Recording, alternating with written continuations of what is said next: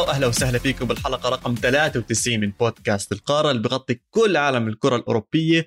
أنا محمد عواد وراح أخذكم اليوم بحلقة معي كلياتها راح نمر على التأهيلات الأوروبية وإيش أبرز الأندية أو المنتخبات اللي وصلت معنا راح نروح نحكي عن Champions League وال Super League الصراع لساته موجود. وبالآخر عندنا مجموعة أو عندنا سؤال معين من أحد جماهيرنا بعث لنا إياه. للأسف اليوم فادي ما قدر يكون معي بس أكيد راح أحاول أغطي محله قد ما بقدر وأكيد راح يكون معنا بالحلقة الجاي. فاستنونا لوقتها. كالعادة زي ما عودناكم لازم تبلش الحلقة بال Euro Pass وال Euro Pass مسؤوليتي وبيحكي لنا بهذا الأسبوع إنه برونو عمل فيها رونالدو وعلى المونديال حمل البرتغال. بولندا مع الماكينة ليفا تسقط السلطان عن عرشه وتحجز التذكرة للدوحة. أما فرمان إيطالي بيطلع بإبقاء مانشيني رغم الخذلان وتدمير الأحلام. ومسلسل الأبطال بعده شغال وشكله سرقوا أكم صفحة من مشروع ال Super League. هذا بشكل سريع الأشياء المهمة اللي صارت خلال هذا الأسبوع. طبعا في كتير حكي إحنا بنعرف خلال ال international break بيطلع عن اللاعبين وانتقال اللاعبين. خصوصا برشلونة كان كتير في حكي طالع من لابورتا وقصته مع ميسي اللي كان واضح وصريح إنها انتهت. خلص ما راح يتم إعادتها. فلمشجعي ميسي للأسف شكله ما راح نرجع نشوفه ببرشلونة بعز عطائه هلأ. ولكن الأرجنتين من الأندية أو المنتخبات اللي وصلت لكأس العالم بقطر بالإضافة إنه عندنا البرتغال مع الدون مع الجوت لبعض الناس وصل لمونديال قطر وكأس العالم عن بوابة نورث مقدونيا أو مقدونيا الشمالية. الكل كان مستغرب طبعا عشان المباراة اللي قبلها أدت فيها مقدونيا مباراة ممتازة أو مقدونيا الشمالية مباراة ممتازة ضد إيطاليا كان دفاعها صلب كان الحظ إلى حد كبير واقف بجنبها بس بنهاية اليوم سجلت هدف التأهل وقدرت تلعب ضد البرتغال. وإذا أي حد عم بتطلع على المنتخبات اللي وصلت من أوروبا يخلي عينه على البرتغال. أنا امبارح حضرت مباراة بصراحة ممتازة لكأس العالم راح تكون للبرتغال. ليش؟ البرتغال ما كانت المنتخب الخطير لما يسيطر. كانت معظم أهدافه أو خطورته بالهجمات المرتدة. وإذا بنطلع فرضا على السنة الماضية على ال Champions League تشيلسي كان قادر يكون الفريق القوي واللي يفوز بال Champions League بناء على الهجمات المرتده وحاسس في توجه بكرة القدم حاليا إنه المنتخبات أو الأندية اللي قادرة إنها تكون عندها هجمات مرتدة قوية أو جيدة جدا دائما لها ال advantage. ما بعرف هل هو السبب عشان دفاعيا المنتخبات صارت أوعى أو أقوى أو فاهم إيش اللي عم بيصير أفضل أو قادر إنها تحضر حالها للهجومات بشكل أفضل مع خروج ال data وال analysis كلياتها اللي عم بتصير على اللاعبين والمهاجمين أو إنه النجاح والنجاعة بالهجمات المرتدة عم بيصير أعلى بسبب نفس العناصر اللي أنا حكيتها هلأ. ولكن برأيي البرتغال قادر إنها تكون قسم جدا ند جدا قوي آه، لكأس العالم والمباراة حلوة. يعني أول شيء ديوكو جوتا يا زلمة مش معقول. جد اللي بيحضر ديوكو جوتا كتير خطير عم بيكون رأس حربة تقريبا. آه على ال headers كنت عم بقرأ أو بسمع المعلق كان بيحكي إنه مسجل 20 هدف هذا الموسم سبعة منهم رأسيات. اللاعب لما تطلع عليه ولا بخطر على بالك على رأسيات خصوصا قصر قامته إلى حد ما آه حجمه الأصغر إلى حد ما. ولكن هو قادر وشكله بيحط حاله باماكن صحيحة بمواقع مميزة إنه يكون آه قادر يجيب الهدف بالرأسية وكان بالفعل راح يجيب الهدف الأول للبرتغال بواحدة من الرأسيات من الركنيات من برونو فرنانديز. ولكن يعني عدت بجوز على سانتي سنتيين من العارضة ولا كانت داخلة على الجول. بعديها شفنا إنه آه، مقدونيا الشمالية بديش أحكي إنها كانت خطيرة عشان هي بنهاية اليوم بلد صغيرة وبكرة القدم بمساحة كرة القدم. وأكيد ما كانش مطلوب منها إنها تكون منافسة أو ند قوي للبرتغال. ولكن إلى حد ما كان في شوية تحركات كان في فكر موجود. شفنا شوية هجمات من الجهة اليمين في تسديدة لأليوسكي اللي بيلعب بالدوري السعودي أو أظن هلا رجع مرة ثانية للدوري الإنجليزي. كان في تحركات ولكن ما فيش كان شيء خطير. ولكن بعديها صار عندنا خطأ دفاعي أو بإخراج الكرة من مقدونيا الشمالية أدى إلى قطع هاي الكرة وصلت لرونالدو هداها بطريقة كثير مميزة. بعدين لعب pass هيك إجت قليلة بالمدافع وبرونو فرنانديز بوم. جد بوم حطها بالجول حطها بالزاوية وركض والملعب انفجر كلياته. البرتغال كانت كثير مبسوطة. أنا كنت مبسوط بصراحة خصوصا إني أنا كنت خسران إيطاليا. كنت جاي عبالي أشوف منتخب قوي كالبرتغال بوصل لكأس العالم. آه، اللي عم خلص تقريبا إحنا خلصنا تقريبا معظم المنتخبات. ضل عندنا الملحق الآسيوي والأمريكي اللي الحمد لله أحد منتخباتنا العربية وصلوا للإمارات رح تلعب مع أستراليا وبعدين بنشوف شو بيصير معها. لقدام. ولكن عودة للبرتغال 1-0 دخلنا على الشوط الثاني برضه استحواذ للبرتغال. ما فيش خطورة من مقدونيا الشمالية. توصل بالكرة لديوكو جوتا. بيرفع ايده برونو فرنانديز هو عم بركض. بنتبه عليه بالضبط على الخط. يعني لو إنه خطوة واحدة زيادة لقدام كان أكيد تسلل. ولكن ديوكو جوتا اللي برأيي أحد أبرز اللاعبين حاليا بالبرتغال وأميزهم لعب الكرة لبرونو فرنانديز جاب الهدف الثاني أعطاهم التقدم. 2-0 للبرتغال وبتتأهل لكأس العالم. على الشق الآخر كان عندنا مباراة ثانية مباراة كثير حلوة جميلة جدا كانت بين السويد وبولندا تألق فيها بكل صراحة حارس بولندا تشيزني عالمي عالمي.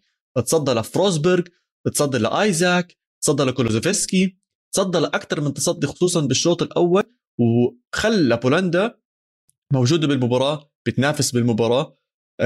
أنا كنت خايف عليهم صراحة وأنا عم بحضر. إلى حد ما كان الاستحواذ كله أو الخطورة خلينا نحكي للسويد مع فروزبرغ اللاعب ممتاز جدا آيزاك زي ما كنت عم بحكي قبل شوي.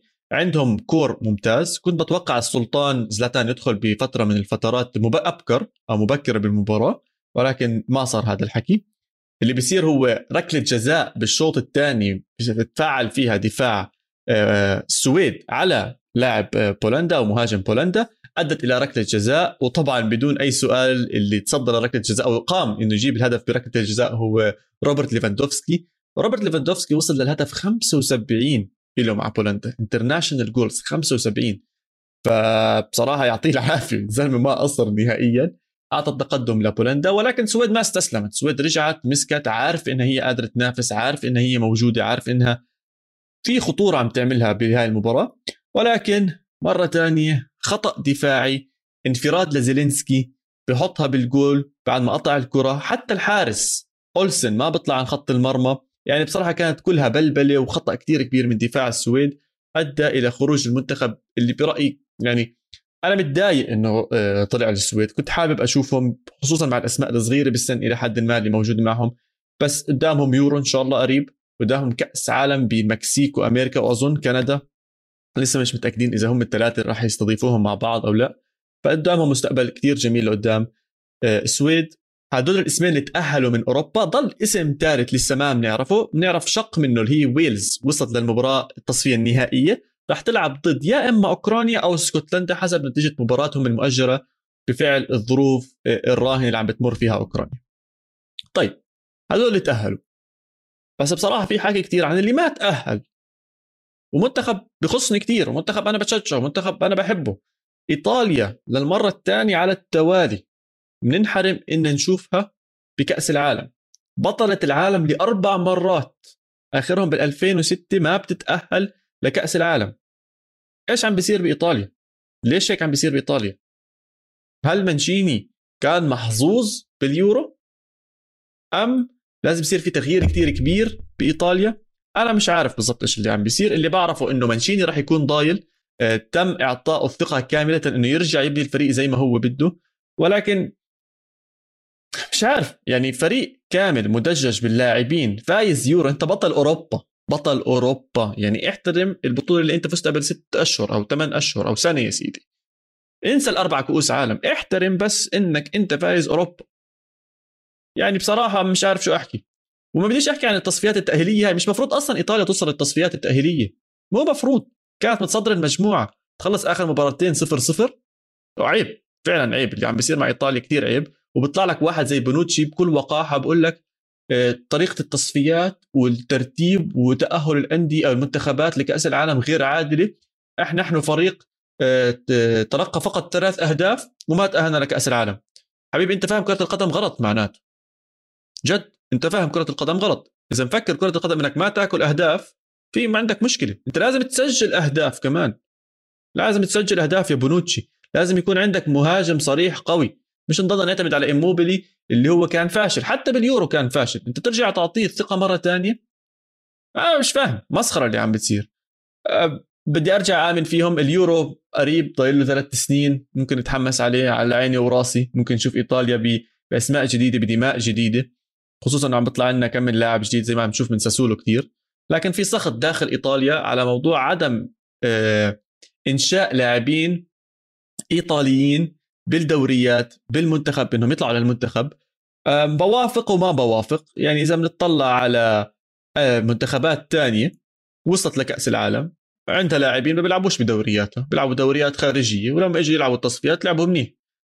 فمش قادر أفهم شو هالكونكشن اللي كثير قوي إنه إذا الدوري فيه لاعبين من البلد معناته المنتخب راح يكون قوي هذا الحكي بجوز قديم جد. يعني إحنا بعصر الكرة القدم مفتوحة على الجميع إنك تتعلم بأي محل موجود. وشفنا هذا الشيء يعني بعزها بعزها. إنجلترا تفتخر إنها هي من أقوى الدوريات. وبالفعل إذا بتطلع على الدوريات اللي موجودة عالميا إنجلترا دائما بالتوب ولكن آخر سنة وسنتين شفنا لاعبين إنجليز بيطلعوا برا الدوري الإنجليزي بتعلموا بيشوفوا إيش الوضع. بينشئوا حالهم هناك وبرجعوا مرة ثانية زي ما شفنا بسانشو زي ما عم نشوف حاليا ببلينغهام. وهيهم عم بيرجعوا بيلعبوا بمنتخباتهم وعم بيكونوا ممتازين. فالفكر إنه لازم طلينت اللاعبين بإيطاليا بالدوري الإيطالي عشان نشوف منتخب إيطالي أنا بصراحة ضدها. أنا مع إنه تجيب أي لاعب بأي جنسية على الدوري الإيطالي وترفع من مستواه بحيث اللاعب الإيطالي اللي موجود بالدوري الإيطالي برضه يرفع من مستواه وتروح تشوفه بالمنتخب بيأدي مستويات ممتازة وبأهل المنتخب تبعك لكأس العالم. أما تيجي تحط الحق على الأندية أنا ضد هذا الحكي آه، كليا. طيب هاي أوروبا شفنا مين يتأهل فيها؟ للعلم أوروبا بيطلع لها 13 منتخب لكأس العالم من أصل 32 عم نحكي عن أكثر من 40% من كأس العالم راح يكون منتخبات أوروبية. هذا إشي ممكن يكون حساس أو بداية القارات الأخرى خصوصا إذا بتطلع جغرافيا القارات الأخرى أكبر وكمية المشجعين أو أسماء أو عدد المشجعين للمنتخبات الأخرى كثير أكبر من عدد الناس اللي بأوروبا. نروح على قارة ثانية قارة معظم لاعبينها بيلعبوا بأوروبا واللي هي أمريكا الجنوبية. أمريكا الجنوبية عندك أربع منتخبات وصلت برازيل أرجنتين إكوادور والأوروغواي. وبالخامس طلع عندنا البيرو البيرو راح يروح على ملحق راح نحكي عنه آه، بعد شوي. أنا المنتخبات مبسوط عليها. شوي ديات إنه كولومبيا ما وصلت. هي كأس عالم تاني برضه تشيلي ما بتوصل له. بس هاي المشكلة اللي حابب أحكي عنها. يعني أنت اليوم عندك لاعبين مميزين. عم تحضرهم أنت اسبوعيا بأوروبا. بس أصلهم من أمريكا الجنوبية. عم تعطي أمريكا الجنوبية أربع منتخبات فقط أربع منتخبات. يعني أنا برأيي مينيمم لازم يكونوا خمسة والسادس يدخل على ملحق. والسادس يدخل على ملحق ينافس ناس تاني. بس أربعة كثير قليل. يعني عم نحكي عن تمن تمن من المقاعد اللي بكأس العالم مضمونة بس لأمريكا الجنوبية. اللي بتمتعنا وبتعطينا أفضل اللاعبين المهاريين. بنهاية اليوم أنت بتجي تحضر مباراة في كثير ناس رح يكونوا فانز بس مشاهدين. لا بيشجعوا هذا المنتخب ولا هذاك المنتخب. بدهم يحضروا كرة قدم جميلة. وكرة القدم أجمل برأيي بأمريكا الجنوبية ومتعتها أكبر بأمريكا الجنوبية. عندنا مفاجآت جميلة أو بديش أحكي مفاجأة عندنا مفاجأة يعني أشياء جميلة صارت خصوصا بأمريكا الشمالية. شفنا كندا ترجع لكأس العالم للي بيتابع ألفونزو ديفيز على تويتش كان كتير مبسوط وصار يبكي. عودة بعد 36 سنة بعد 36 سنة كندا بترجع لكأس العالم. آه، منتخب قوي جميل شاب راح ينافس عنده أسماء حلوة.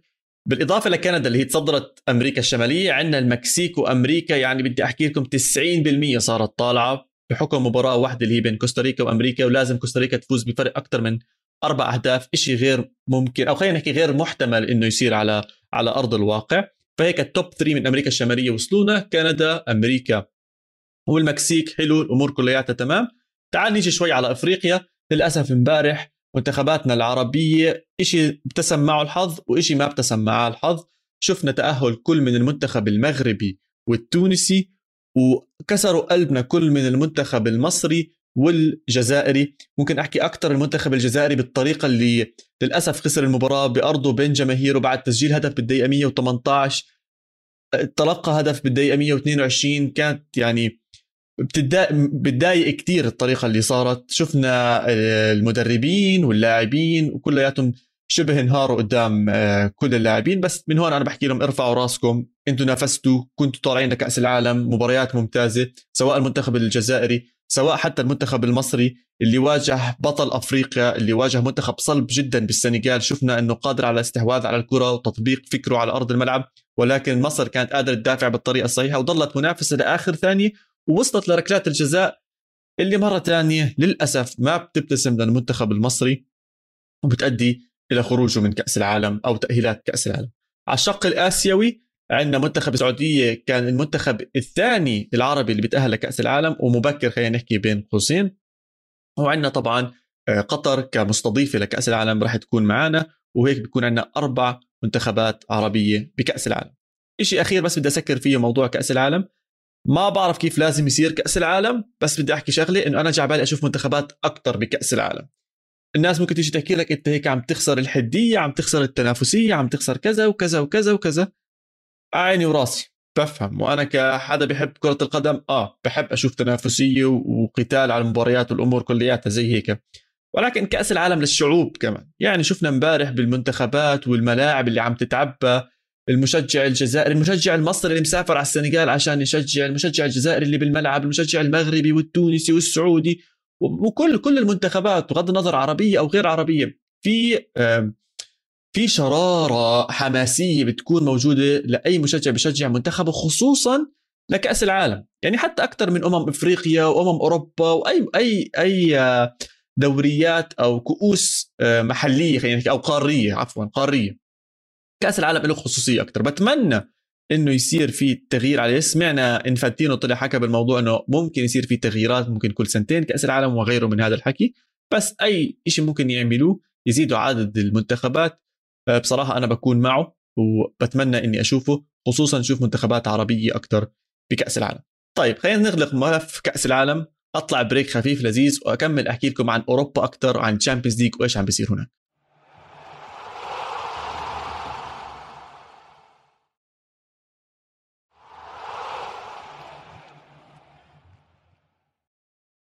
ورجعت من ال break حكينا عن كأس العالم حكينا مين تاهل أمور كلياتها تمام هناك بس زي ما أنتم عارفين أي توقف دولي بيصير في كتير حكي لاعبين دوريات شغلات عشان تعبي الورق الجرايد بدها تعبي بدها تطلع مصاري بدها الناس تكون involved موجودة بتنافس بتحكي ونقاشات كلياتها موجودة.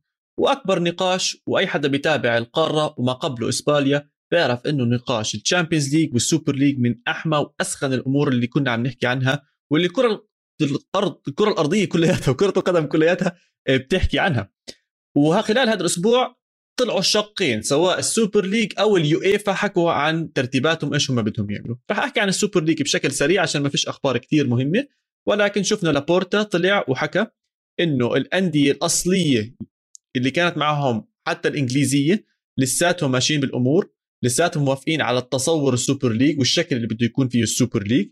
راح يكون هنالك تعديلات طفيفة مش أشياء كبيرة لكن كل اللي عم بيستنوه الأندية الإنجليزية بشكل خاص اللي انسحبت إنه يطلع قرار المحكمة بعدم آه، محكومية السوبر ليج بعدم وجود السوبر ليج تحت أي غطاء حماية أو ما يكونش في أي رفع قضايا عليهم أو خسارة مادية أو مالية ممكن تكون مترتبة على القضية اللي رفعوها بين بعض اللي هم اليويفا والسوبر ليج. أول ما تتم هاي الأمور سيتم إدراج السوبر ليج. راح يطلعوا بحكي كامل شافي عن كيف هم متصورين السوبر ليج وكيف راح يكون تنظيم السوبر ليج. تمام هذا السوبر ليج بشكل بسيط. نروح على الجهة الثانية. نروح على اليويفا وخصوصا ال ECA اللي هي اتحاد الأندية الأوروبية European Club Association هدول الجماعة يمثلوا أهم وأكبر الأندية بأوروبا. تم عزل ال 12 نادي تبعون السوبر ليج ولكن بعد ما تراجعوا تسعة منهم أبرزهم الأندية الإنجليزية عن قرار السوبر ليج قالوا لهم يا جماعة إحنا بنحبكم وبزبطش نمشي بدونكم تعالوا أهلا وسهلا مرة ثانية للعلم ناصر الخليفي هو المسؤول عن الاي سي اي أو رئيس الاي سي اي واللي عم بيطلع بالمقترح اللي راح أبلش أحكي لكم عنه هلا. مع التعاون مع اليويفا وسيتم تقديمه بشهر أربعة القادم. الاقتراح بما يسمى ال Swiss model أو النموذج السويسري. بيجي بيحكي وشوفوا قديش بيشابه السوبر ليج إلى حد كبير. بيجي بيحكي لك إحنا حاليا عندنا 32 نادي بس بدنا نزيد هاي الأندية لعدد اللي هو 36 هاي أول شيء بدهم يغيروا. التغيير الثاني إنه موضوع المجموعات انسوه شيلوا موضوع المجموعات اعملوه دوري. آه حكيت كلمة دوري. الدوري بإيش بذكركم؟ بدوري السوبر ليج. فاللي بدي أحكي قبل ما أدخل بالتفاصيل هاي كلياتها إنه اليويفا برضه آه وسخين. إذا أنتم بتعتبر السوبر ليج والأندية هاي ناس وسخة وتعون مصاري بأكد لك إنه اليويفا زيهم إذا مش أكثر حتى يعني. راحوا أخذوا الأشياء اللي بدهم إياها من السوبر ليج وسموه باسم تاني وحكوا إنه هذا طالع منه فالأمور كلياتها تمام. خلاصة الموضوع سواء سوبر ليج أو ال ECA أو ال Swiss model اللي هو نموذج السويسري اللي هلا راح أحكي عنه هدفهم الأساسي وما حدا ينسى هاي هدفهم الأساسي يضمنوا إنه الأندية الكبيرة اللي بتدفع سواء لعبت منيح أو ما لعبت منيح بدورياتها توصل للتشامبيونز ليج بدهم الناس اللي عندها مصاري تكون بتلعب عشان تجنريت مصاري أكثر وأكثر وأكثر هاي خلاصة الموضوع. طيب راح أدخل هلأ بموضوع إيش هو بالضبط المقترح السويسري أو النموذج السويسري؟ إيش حكوا لك أول شيء راح نرفعه راح نزيد عدد الأندية من 32 ل 36 راح يكون على نظام مجم... راح يكون على نظام دوري. فال 36 نادي اللي موجودين راح يلعبوا ضد بعض ولكن مش 18 ب 18 يعني ما تفكر إنه النادي من ال 36 راح يلعب ضد ال 35 كلياتهم لا. راندوم عن طريق قرعة سيتم اتخاذ كل نادي يلعب ضد 10 أندية. نفس القرعة اللي بنحضرها بضلهم يعملوا قرعات قرعات قرعات عبين ما كل نادي يطلع له 10 أندية يلعب ضدها. هذا أول نقطة. السؤال الثاني إنه أنت بدك تطلع من 32 ل 36 بدك تضيف أربع انديه فكرك المنطقي أنت هلأ كمستمع رح تيجي تحكي لي آه تمام. يضيفوا للأندية اللي مهمشة أو البلاد اللي ما عندهاش representation أو آه، وجود كبير بالشامبيونز ليج زي بس هيك رح أحكي مثال. بولندا السويد النرويج وما إلى ذلك. هلأ أنت قلبك طيب إذا جد هيك رح تحكي. أنت قلبك كثير طيب. بس الواقع الحياة إنه لأ. راح يعطوا مقعد زيادة لخامس أفضل دوري اللي هو حاليا اليوم آه، الدوري البرتغالي sorry الدوري الفرنسي وممكن يكون البرتغالي السنة الجاية. راح يعطوه مقعد من الأربعة. وعندك مقعدين يسموا المقاعد التاريخية أو للأشخاص اللي عندهم تاريخ سابق بالشامبيونز ليج أو اللي عندهم ترتيب عالي بالشامبيونز ليج طيب يا محمد إيش يعني هدول؟ كيف بدك تجيبهم؟ بيجي بيحكوا لك خلصت الدوريات كلياتها وبدنا نطلع الأندية للشامبيونز ليج تاع السنة الجاي بيجوا بتطلعوا أربعة أربعة أربعة كل شيء تمام خلصنا الحياة كلها حلوة بيجوا بشوفوا مين خلص بالمركز الخامس بالدوريات الكبيرة هاي سواء الإنجليزي الإيطالي الإسباني أو الفرنسي. آه والله إذا بنطلع بالزمن لورا فرضا مانشستر يونايتد خلص بالمركز الخامس. مانشستر يونايتد آخر خمس سنين كان بيلعب بالشامبيونز ليج وعنده كو عالي وعم نحسب له نقاط عالية. okay تاريخيا نادي مهم. تاريخيا نادي مهم للتشامبيونز ليج خلص مركز خامس بس له تاريخ منيح بالتشامبيونز ليج راح نعطيه مركز أو مقعد تاريخي. أي واحد. وفي مقعد ثاني كمان راح يعطوه بنفس الطريقة لمركز خامس ثاني بالدوريات نفسها اللي أنا حكيت عنها إيطالي إسباني ألماني أو إيطالي. طيب. إذا نفسه هذا مانشستر يونايتد خلص بالمركز السادس وبالمركز الخامس خلص برايتن أو نحكي كريستال بالاس فرضا. نادي لعب كتير منيح هاي السنة. خلص مركز خامس مركز ممتاز. فمفروض طلعوا على الشامبيونز ليج صح؟ مش أنتم بدكم الخامس يطلع على الشامبيونز ليج؟ بيجوا بيحكوا لك لا لا لا لا استنى استنى استنى شوي وقف هون شوي. خلينا نطلع على الدوريات كلياتها. ناخذ الخوامس فيهم. هل فيهم حدا لاعب الشامبيونز ليج السنة الماضية أو اللي قبلها أو اللي قبلها؟ هل في حدا فيهم كان بينافس بالشامبيونز ليج بالسنوات الماضيه اللي قبلها واللي قبلها وقبلها. إذا كانت الإجابة نعم فبرايتون بيخسر حقه وبروح للنادي الثاني. كمثال راح اعطي لازيو كان بيلعب بالشامبيونز ليج قبل كم من سنة. إذا خلص بالمركز الخامس فبياخذ حق برايتون بهاي الحالة. طيب ممكن مانشستر يونايتد يخلص سادس وبرضه يتأهل على الشامبيونز ليج باجي بقول لك آه. طب كيف؟ طب هو مركز سادس نطلع على الخوامس. باجي بقول لك okay. تعال اطلع على الخوامس نيجي نطلع بالدوري الإنجليزي. الخامس أرسنال. بيلعب الشامبيونز ليج له تاريخ أموره كلها تمام فراح نعطيه أول مقعد. تذكروا أنا حكيت في مقعدين تاريخيا. طب المقعد الثاني لمين بده يروح؟ بيجوا بتطلعوا على مين أفضل ثاني تاريخي بالشامبيونز ليج موجود. ففرضا إذا حطينا لازيو زي ما كنت عم بحكي قبل شوي ومانشستر يونايتد. لا مع إنه مانشستر يونايتد خلص سادس بالدوري الإنجليزي ولكن سوابقه بالشامبيونز ليج أو ال coefficient عدد النقاط اللي مجمعها بالشامبيونز ليج خلال آخر خمس سنين أعلى من لازيو فبيعطوه المقعد الثاني بالشامبيونز ليج ورغم إنه خلص بالمركز السادس.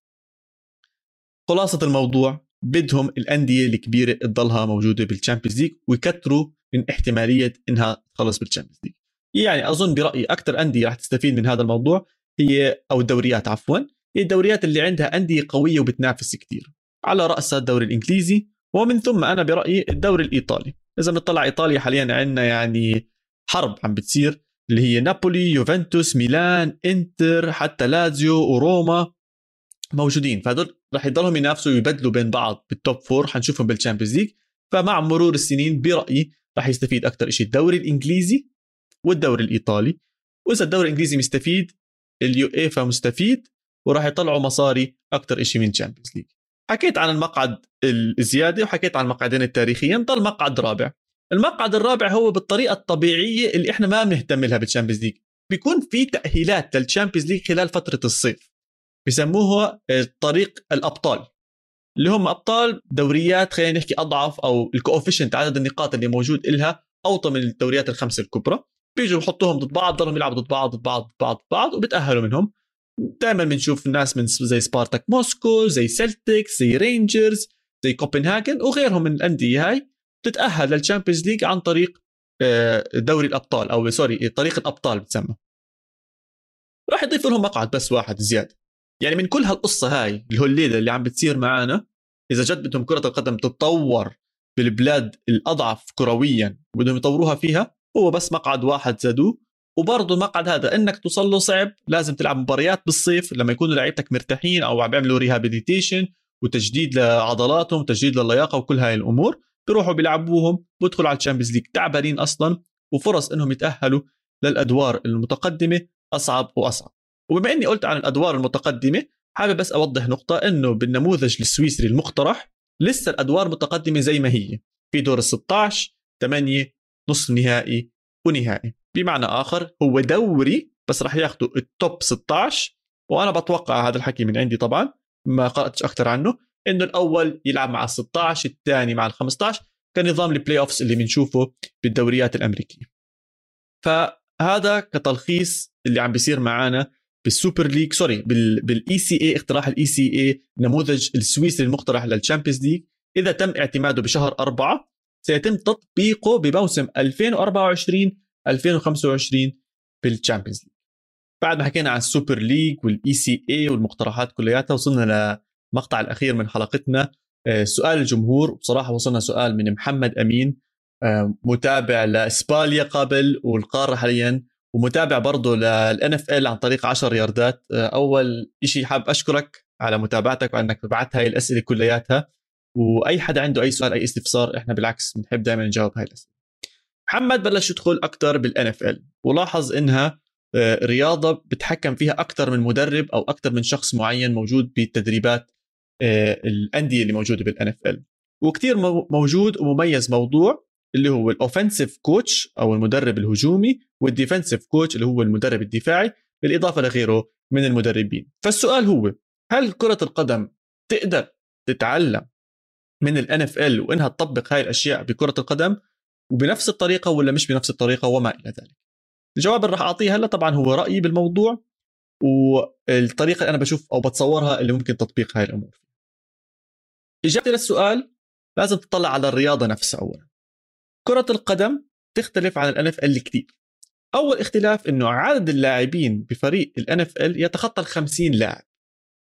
بينما بكرة القدم انت ال maximum ممكن يكون عندك بالأساسي 24 25 26 لاعب حسب قديش عندك لاعبين.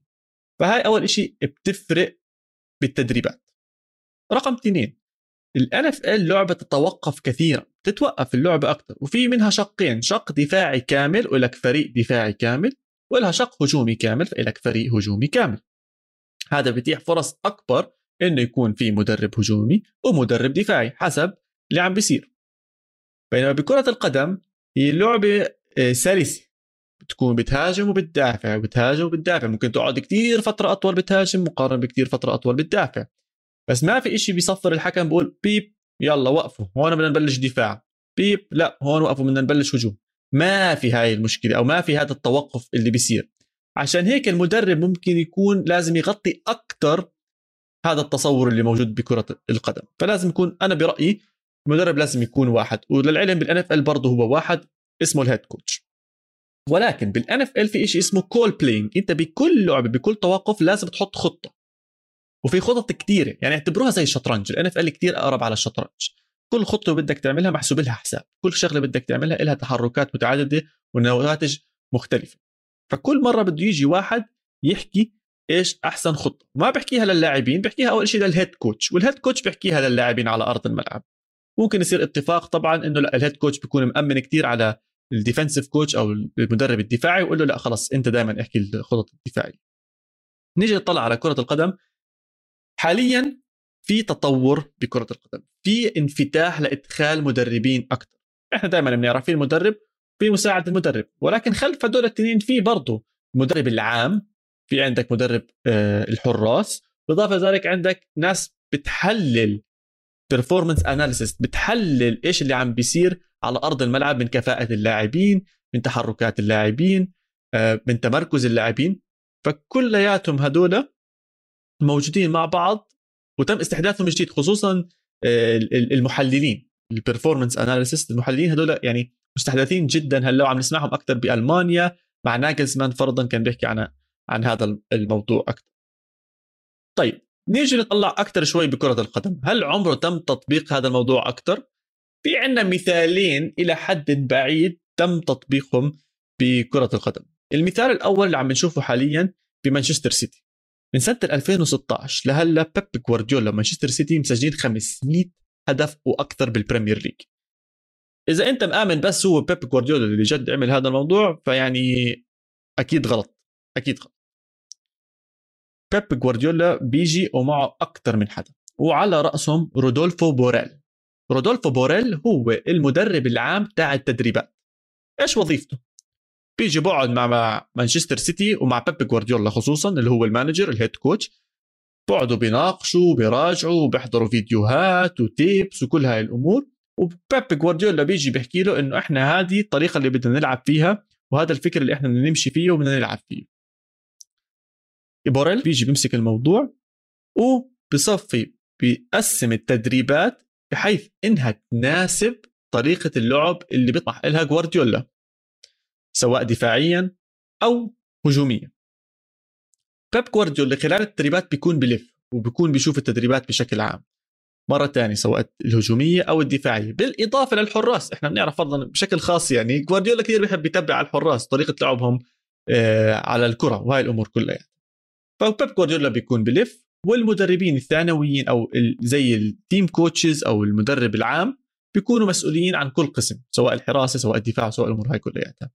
ولكن إنه يجي المدرب العام يحكي لبيب جوارديولا بنص المباراة مش بالتدريبات بنص المباراة يقول له لا تعال هاي 100% لازم تتغير ورد علي أنا وقراري هو النهائي ما بصير ولا عمره راح يصير. اريحكم في ال manager بكرة القدم له وزن خاص له هيبة خاص. بال NFL ال head coach أصلا هذا ال manager اللي أنتم شايفينه أصلا بيكون defensive coach أو offensive coach يعني هو أصلا مدرب هجومي أو دفاعي كان بالزمانات وترقى لصار head coach فاصلا هو بيكون بمخه إذا كان defensive coach فهو فكره دفاعي وراح يسمع أكيد لل offensive coach وممكن يحكي له لا يا حبيبي أنت امسك الموضوع كلياته. بكرة القدم هذا الموضوع جدا جدا جدا صعب إنه يتم تطبيقه. ونقطة ثانية ال NFL بتجيب مصاري وبتطلع مصاري على الأندية وعلى اللاعبين أكثر من كرة القدم. لما تفكر بكرة القدم إحنا بنفكر بالدوريات تاعتنا إنجليزي إيطالي إسباني. ولكن إذا بتنزل لتحت وتتفرع كثير لتحت آلاف مؤلفة من الأندية موجودة بكرة القدم. وآلاف مؤلفة إذا مش ملايين من المدربين و team coaches والمحللين وكل هاي الأمور كثير أعداد كثير كبيرة. فأنت اليوم إذا بدك تعمل position جديد أو منصب جديد للمدرب هجومي مدرب دفاعي ما بزبط بس تطبقه على ال top عشان إذا أنت اللاعبين تبعونك عم بنشأوا ببيئة ما فيها مدرب هجومي مدرب دفاعي مدرب كذا مدرب كذا مدرب كذا عبين ما يوصلوا لفوق وفجأة يتفاجئوا إنه آه والله كل هاي الأمور عم بتصير حيصير في شوية لخبطة. بينما اذا تطلع على ال NFL كل اللاعبين بيطلعوا من الجامعات. والجامعات أصلا فيها موضوع مدرب دفاعي مدرب هجومي. فاللاعبين بيكونوا جاهزين على دخولهم لل NFL لهذا التصور العام. وبالاضافة إلى ذلك المصاري اللي بتندفع لهم قادرين يغطوها ال NFL يعني اللي بيدخل ال NFL قادرين يغطوا الأندية اللي موجودة بال NFL قادره إنها تغطي المدربين الموجودين. بينما إذا بدك تطلع خلينا نعطي مثال فرضا ارسنال بيدفع لأرتيتا لمساعد المدرب بعدين okay خلينا نجيب مدرب هجومي okay خلينا نجيب مدرب هذا تبع الأوتات والكورنرات وأشياء زي هيك. طب انزل لأرسنال 2 طب انزل لل Championship طب انزل ل League 1 League 2 League 3 هل هدول قادرين يدفعوا؟ طب هون بتبطل في تنافسيه ما ننسى إنه إحنا النادي اللي بيلعب ب League 3 بالدوري الإنجليزي له احتمال ولو واحد بالألف إنه يوصل لل Premier League فأنت بال FA بال Football Association اتحاد كرة القدم الإنجليزي بعتبرهم كلهم أندية. بعتبرهم كلهم أندية ولهم أحقية ولهم حقوق ولهم كل هاي الأمور. فأنت كيف بدك تصفي تعطي هاي القوة لبعض الأندية وتحرمها من أندية ثانية فأنا عشان هيك متخوف إنه يصير هذا ال gap أو هذا الفراغ بين الأندية ال top والأندية اللي تحت أكبر وأكبر وأكبر مع استحداث هذول المدربين أكثر وأكثر وعم نشوف الاستحداث عم بيصير. كمثال أرسنال آه، شفنا إنه جايبين coach بس معين للركلات الركنية كيف تدافع عليها وكيف تعمل هاي الأمور. وصاروا من أنجح الأندية حاليا بالدفاع عن هاي الأمور. ما بدخلش ولا جول عليهم من أول السنة. طب بورنموث طيب الناس الثانية اللي تحت يعني لازم يكون في قوانين واضحة وصارمة بهاي الأمور إذا بدهم يستحدثوها. لسه الأندية جديد جديد عم تستحدث. ما أظنش ال FA داخل على الموضوع ما أظنش إنهم تفلسفوا عليهم كثير ما أظنش إنهم حطوا قوانين كثير فإذا حطوا قوانين واضحة أنا مع هذا الأمر أنا مع استحداث مدربين هجوميين دفاعيين. مشكلتي الوحيدة إنه كيف راح يكون تأثيرهم على أرض الملعب إذا المباراة ضلت شغاله وماشية وماشية وماشية؟ ولكن لازم يكون في قوانين إنه زي ما هم موجودين فوق لازم يكونوا موجودين تحت وإنهم يطلعوا لهم أشغال جديدة. آسف جزء طولت شوي بالإجابة بس الموضوع كان حلو. أه بس هيك وصلت لنهاية حلقتي. اليوم كنت لحالي. بدون فادي إن شاء الله الأسبوع الجاي بيكون معنا بتمنى تتابعونا طبعا على at القاره underscore pod الحلقة موجودة على يوتيوب تحت قناة استوديو الجمهور وبنشوفكم الأسبوع الجاي في حلقة جديدة. تشاو تشاو.